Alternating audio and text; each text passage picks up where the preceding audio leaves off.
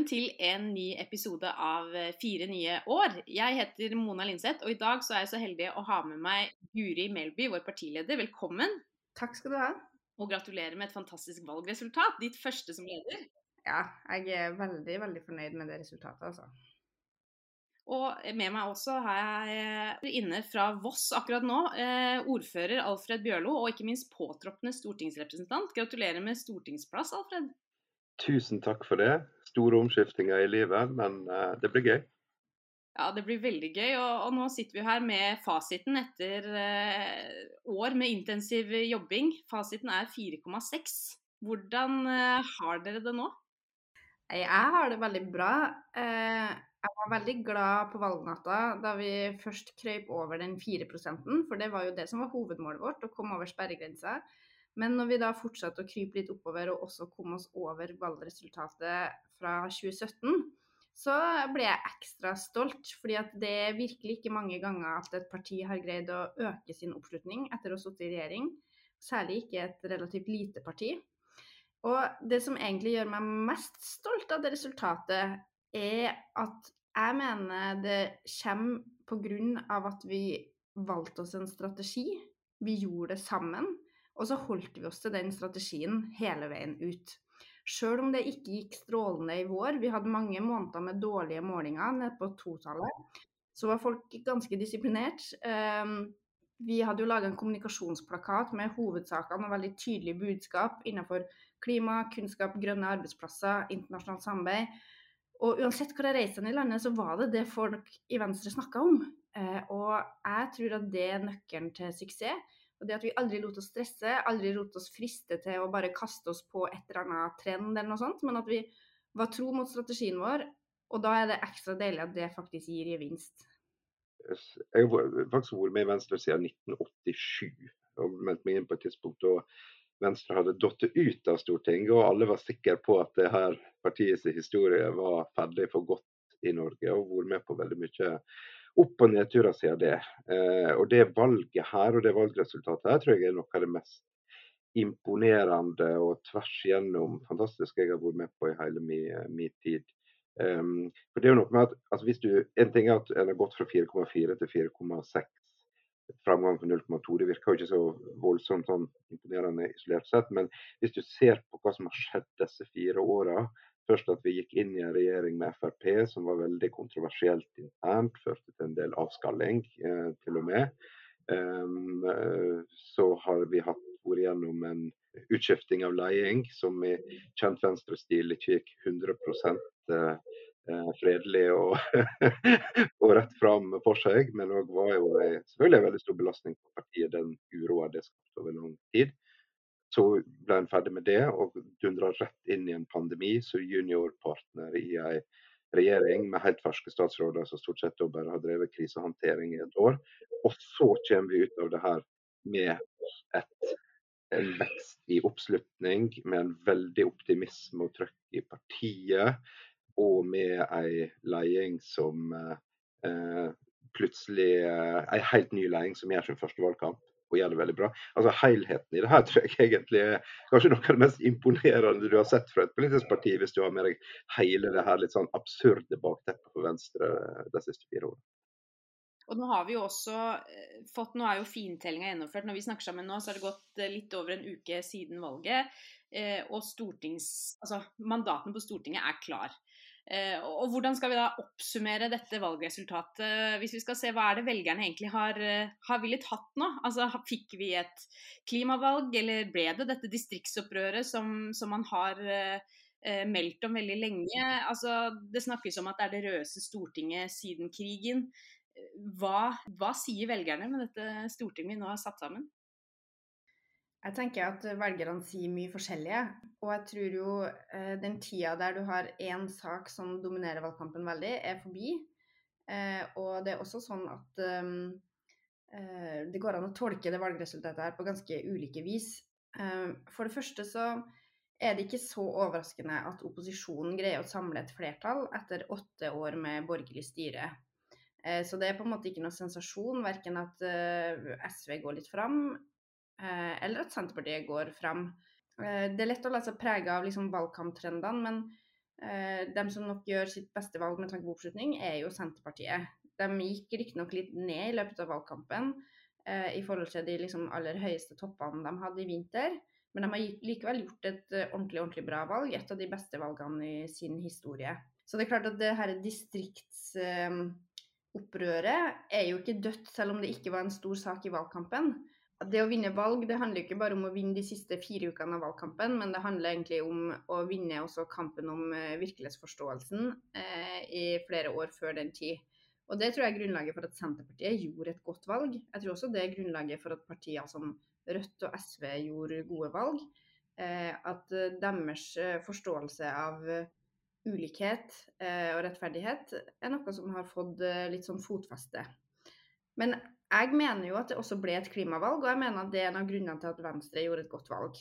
Eh, vi var jo på vei på å klatre oppover på målingene utover i juli og august, og lå litt sånn på midten av tretallet eh, på vei mot fire da denne klimarapporten fra FN kom. Det betydde jo at vi ble en mye mer relevant aktør i valgkampen. Det ble mye, mye mer interessant hva vi hadde å si.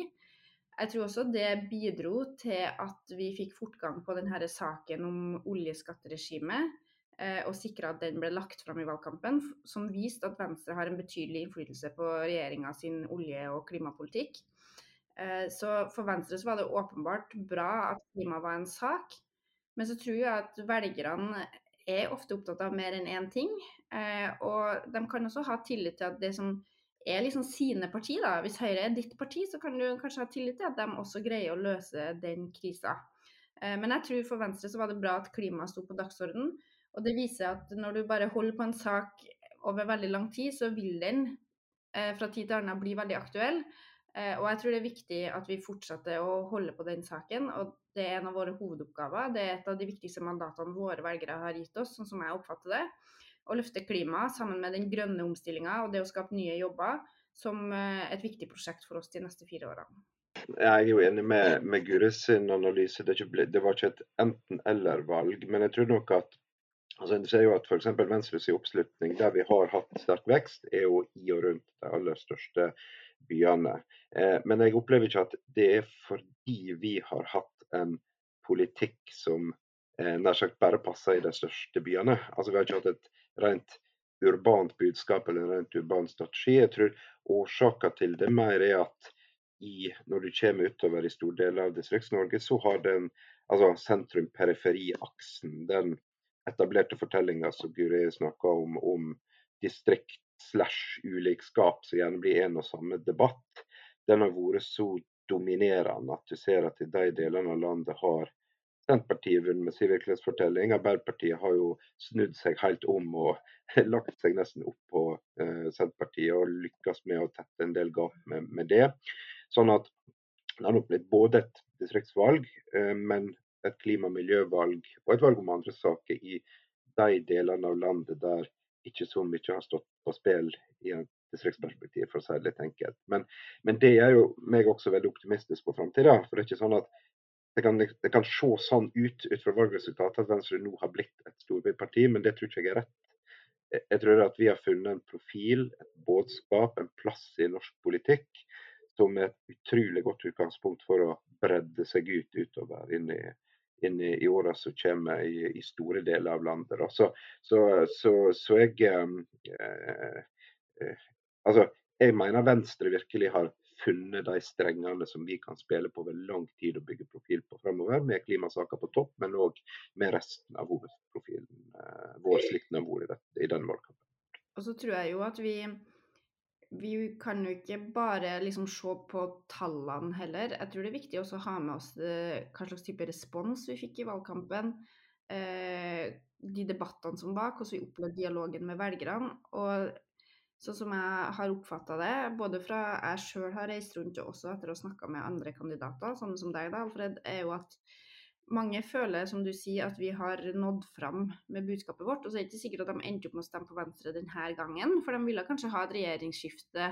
De ville kanskje ha større fokus på distrikt også, men mange syns at de sakene vi har løfta opp, er viktige over hele landet. Så jeg tror vi har et veldig godt grunnlag å bygge på. Og så tror jeg jo vi skal jo ikke heller undervurdere det organisatoriske innsatsen som ligger bak de svært gode resultatene i Oslo, og også de gode resultatene i Akershus. Um, jeg tror at den, uh, det at vi greier å passere 10% i Oslo, som vel er det beste resultatet på 100 år, uh, er både et resultat av politisk retorikk og kommunikasjon, men også et resultat av beinhard jobbing.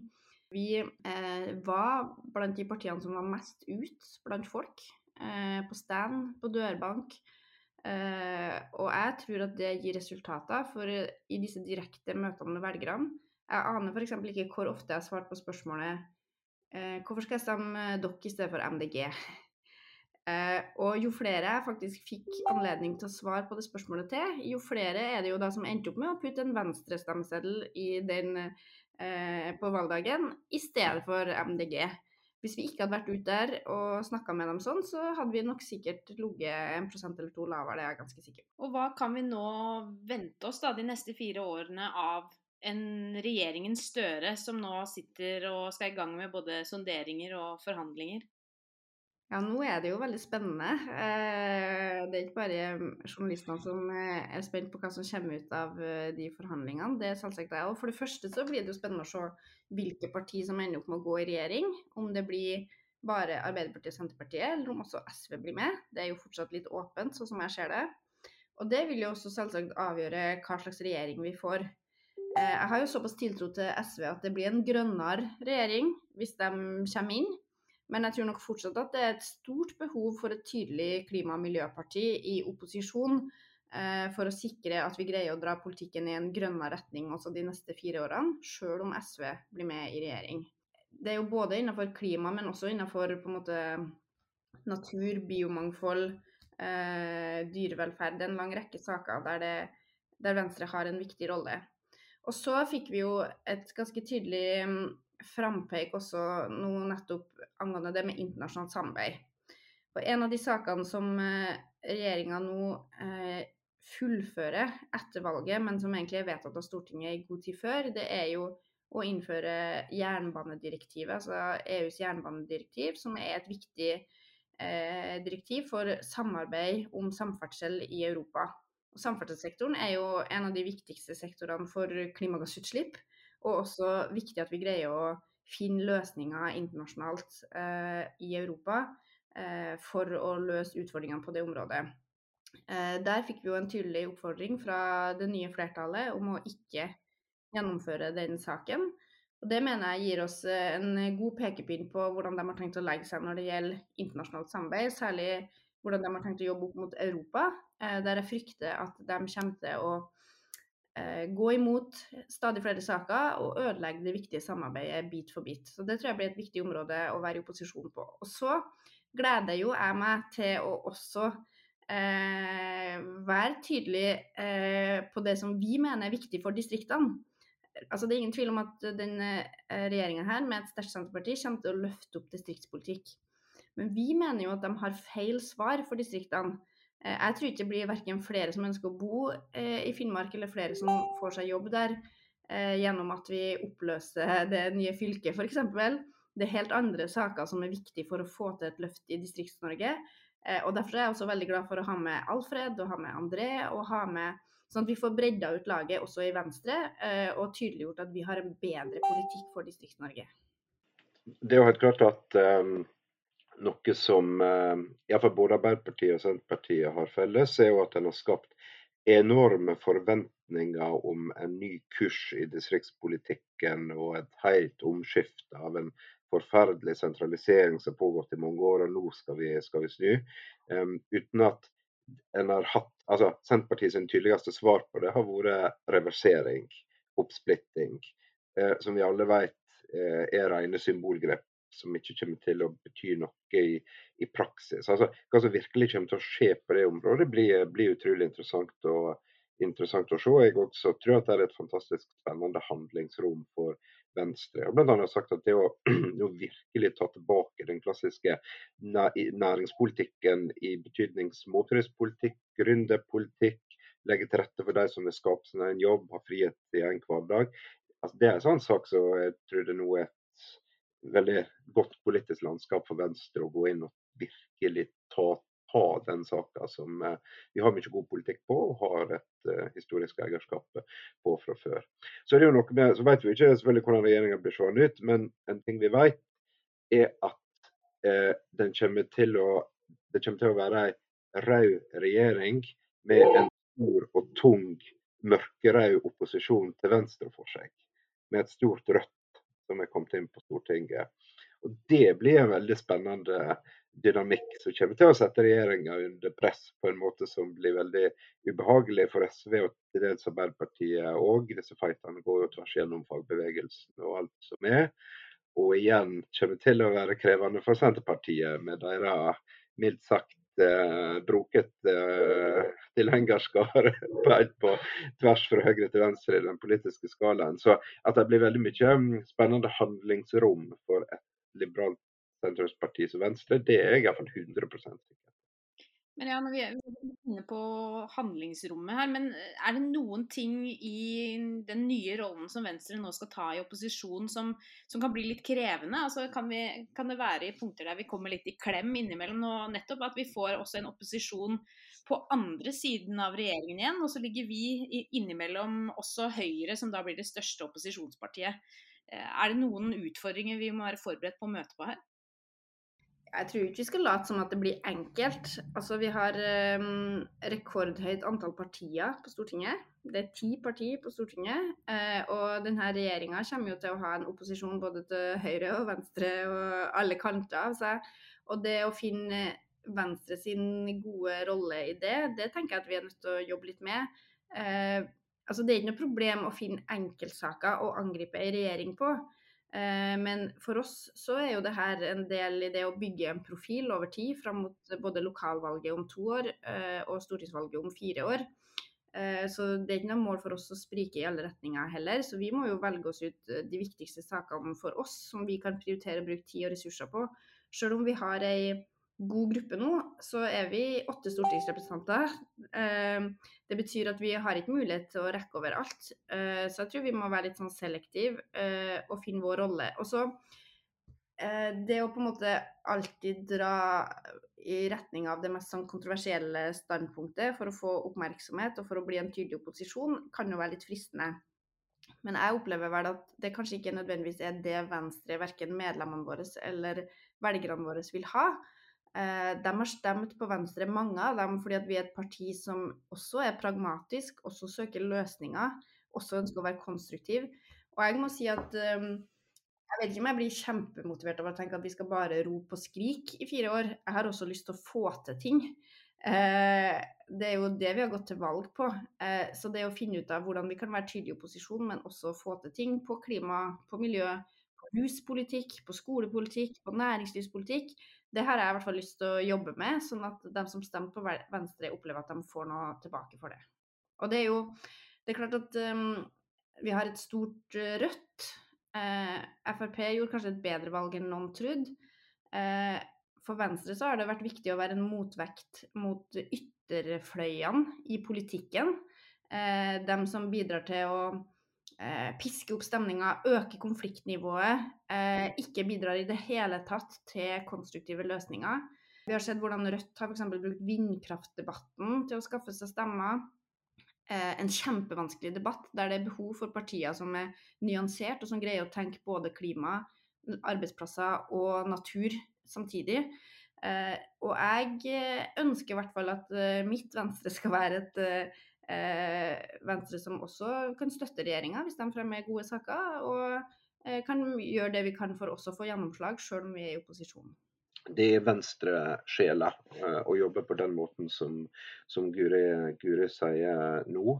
Eh, og så har jo eh, og det er jo noe med at når vi har både en fersk leding, vi har nå noen hovedbudskap, hovedsaker som eh, må få tid å sette seg, og vi må eh, stå fast ved. Og så har vi ikke minst nå opplever jeg en veldig stor entusiasme rundt i partiorganisasjonen over hele landet. At nå har det faktisk det har vært kjekt å drive valgkamp. Det er masse gode tilbakemeldinger fra velgerne. Vi har en partiledelse og en partileder som folk liker. Altså, altså det, det, å dyrke alt dette her fram mot arbeidet med listestilling om to år, eller arbeidet med liststilling begynner mye før, men mot lokalvalg om to år. Og virkelig ta vare på å jobbe i lag med partiorganisasjonen over hele landet. Det er iallfall noe som vi må, må, må, må, jobbe med. Og selvfølgelig Når vi er bare åtte stykker i, i gruppa, så, så er, det, er, det, krevende, men, men, det er enormt viktig nå. Altså, ta vare på den plattformen. Nå er det entusiasme rundt om i venstreland over hele, på små og store plasser over, over, hele landet. og Det må vi bruke nå framover. Godt lokalvalg, styrke partiorganisasjonen, få gode lister over hele landet til lokalvalget om, om to år. Så Det er jo et sånn perspektiv. Og Det handler om å bli trygge og, og kjenne igjen det her rause, kloke Venstre eh, som eh, står på for en grønn framtid og kunnskap og omsorg for de svakeste og de store sakene. Så, så, så jeg syns den um, det Guri drar gjennom her, er, er, er veldig fornuftig uh, for jobben vi skal gjøre nå. Særlig nå de to første åra i lokalvalget. Eh, nå har vi jo lagt uh, denne veldig morsomme, og, men også intense valgkampen bak oss. Men, men, jeg vil tro at dere som, som, nå har stått på på et høygir, nesten uh, kjenner på litt abstinenser etter å dra ut og møte velgere. Altså, hva, hva tar dere med dere fra, fra, den valgkampen som har vært igjennom? Hva er det dere kommer til å huske fra, fra valgkampen 2021? Uh, nå når vi har Alfred her, så må jeg nesten trekke fram den dagen jeg besøkte han uh, i Stad og i Eid. Uh, det var jo dagen etter at vi hadde hatt en partilederdebatt i Bergen. Den partilederdebatten gikk ikke så veldig bra for min del. Jeg fikk snakka lite og ble litt irritert og frustrert. Og etter sånne partilederdebatter så har jeg nå lært meg at det er vanskelig å sove. Man er litt sånn gira, og det er mye som kverner gjennom hodet. Eh, så da jeg satte meg på flyet eh, og skulle besøke Alfred, så må jeg innrømme at jeg var ganske sånn trøtt og sliten. Eh, og så møtte jeg en veldig energisk Alfred som hadde et tettpakka program, og vi susa mellom eh, hit og dit. Og det skulle du tro at det var litt slitsomt, da. Men det var jo en fantastisk energiboost eh, for min del.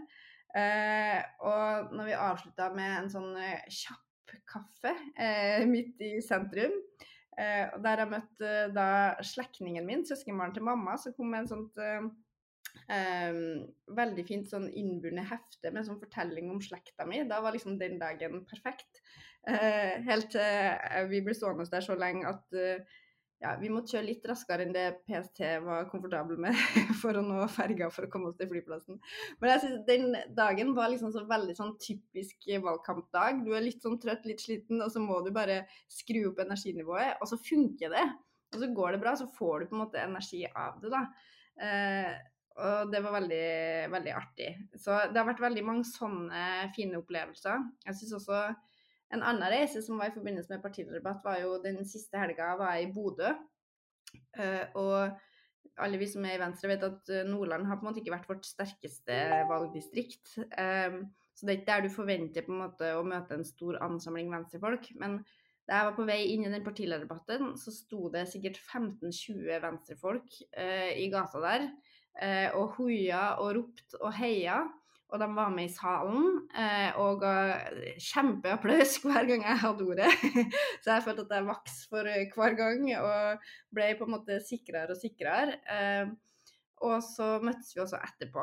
Og det å liksom bli tatt imot av den svære gjengen, som alle er veldig fornøyd med en god valgkamp, selv om de også var forberedt på at ikke vi nødvendigvis kom til å få eh, de mest strålende tallene i Nordland, det syns jeg også var et veldig godt bilde på denne valgkampen i 2021.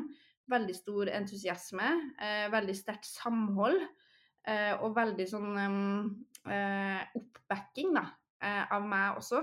Eh, og det håper jeg at alle tar med seg. Det gjør at jeg blir bedre. Eh, og at det blir da lettere for dere å drive valgkamp. Så, så, det var et par veldig fine opplevelser som jeg hadde med meg der.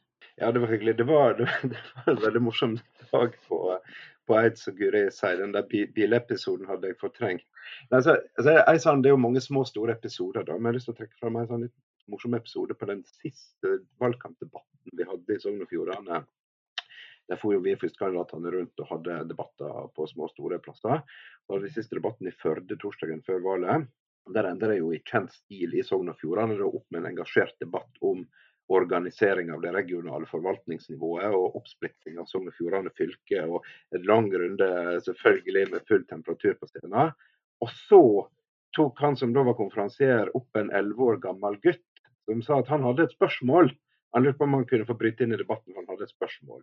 Eh, og det, Det han elleveåringen da spurte om, er hva mener dere politikerne vi kan gjøre for å få slutt på bruk av olje, og hva mener dere vi kan gjøre for å få flere elbiler? Og det liksom bare snudde hele debatten fra Og det, var, og det, det ble så utrolig sånn morsomt bilde, da. Og det bare viste det helt sånn absurde i å sitte og diskutere organisering og oppsplitting av fylkeskommunen. Når det kommer en elleveåring opp stiller de store spørsmålene. og så var det veldig kjekt etterpå, for da kom han opp og sa han var mest fornøyd med mitt og Venstre sitt svar, og han ville ha stemt Venstre hvis han hadde stemmerett.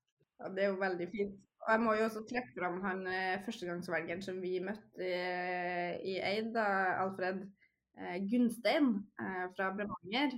Eh, han så oss utafor et lokale der, og så kom han bort og fortalte at nå hadde han stemt for første gang, og han hadde stemt på deg, sa han, og så pekte han på Alfred. Eh, og så måtte jeg spørre hvorfor stemte du Venstre, for jeg tenkte det er interessant å høre hva er ungdom på bygda mest opptatt av. Han her var jo fra Bremanger, et lite sted i Sogn og Fjordane. Eh, nei, og da fortalte han at nei, det var jo selvsagt klima, det var internasjonalt samarbeid og det var rusreform som var de viktige sakene for han. og da syns jeg det understreker litt det poenget til Alfred fra innledninga, og at uh, mange av de sakene vi har, er faktisk ting folk er opptatt av hele, over hele landet, og kanskje særlig de unge. Eh, så, så, det var, ga en veldig sånn god bekreftelse på det, akkurat det møtet. Så jeg tenkte det her er det nye Vi har Sveinung fra Eid, der har vi Gunstein fra Bremanger. ja, det, det, det, viser jo at uh, valgkamp over hele landet er jo egentlig ganske lik. Det er bare litt flere, litt flere ferger å rekke på Vestlandet. uh, men rent sånn praktisk nå de neste ukene, det får vi jo ta med oss da. Altså, nå har vi snakka litt om de lange linjene i fireårsperioden, men rent praktisk, hva, hva skjer nå? Du sitter i regjering enda, Guri. Nå, nå, vil jeg også lytte intenst, Guri, for dette er veldig spennende. Jeg føler det litt som å skulle møte opp til Kompani Lauritzen eller Robinson-ekspedisjonen eller et eller annet sånt. Du får bare beskjed om møt fram i Oslo på den og den datoen på det og det klokkeslettet. og så får du deg, Da skal du få deg nøkkel til leilighet og en startpakke med Statsbygg og, og noe sånt. og Så tar vi det derfra. Så, så nå skal jeg òg lytte, lytte spent. Det verste er jo at jeg er en sånn elendig veileder, for jeg har jo aldri gjort det her før. Jeg har jo aldri vært med i starten av en stortingsperiode. Jeg har jo bare møtt som vara før jeg er på Stortinget, og kom inn etter at Trine eh, ble statsråd. Eh, men det som Og jeg er jo fortsatt kunnskapsminister. Eh, og sånn som det ligger an nå, så skal regjeringa sitte og er fungerende, og er vidt, vi har lov til å gjøre det vi vil for så vidt som en regjering og vi, fram til vi legger frem statsbudsjettet den 12. oktober. Etter det så blir vi et såkalt sånn forretningsministerium som bare sitter og venter på at et nytt flertall skal ta over. Eh, så det beste er jo da om de er ferdig med sine forhandlinger og kan ha eh, Sånn at vi får et skifte f.eks. den fredagen, slik at vi kan gå av i statsråd da. Eh, men det kan jo selvsagt ta lengre tid eh, hvis de ikke blir ferdig med forhandlingene sine. Eh, SV skal jo ha en uravstemning. Altså, så da blir vi på en måte sittende litt lenger. Men det er jo noe jeg håper ikke skjer, egentlig av mange grunner. For det er jo litt sånn Du er litt bundet på hender og føtter allerede, egentlig, når vi sitter i regjering. Det å fatte noen beslutninger nå som får liksom varige konsekvenser, det skal vi jo helst ikke gjøre. Ehm, det som skjer på Stortinget, er jo at eh, det første stortingsgruppa må gjøre, er å mm, konstituere seg, altså fordele komiteer og verv mellom oss. Så det driver vi nå og jobber med. Så vi skal ha et konstituerende møte snart. Eh, og det skjer jo da i sammenheng med at Stortinget også møtes for første gang eh, og har sine første møter. Og en av de første møtene er jo da Stortingets høytidelige åpning, når kongen kommer. Eh, så da må du ha med deg bunaden, Alfred. Det er i hvert fall det mest sånn praktiske tipset jeg kan gi. bunaden må på.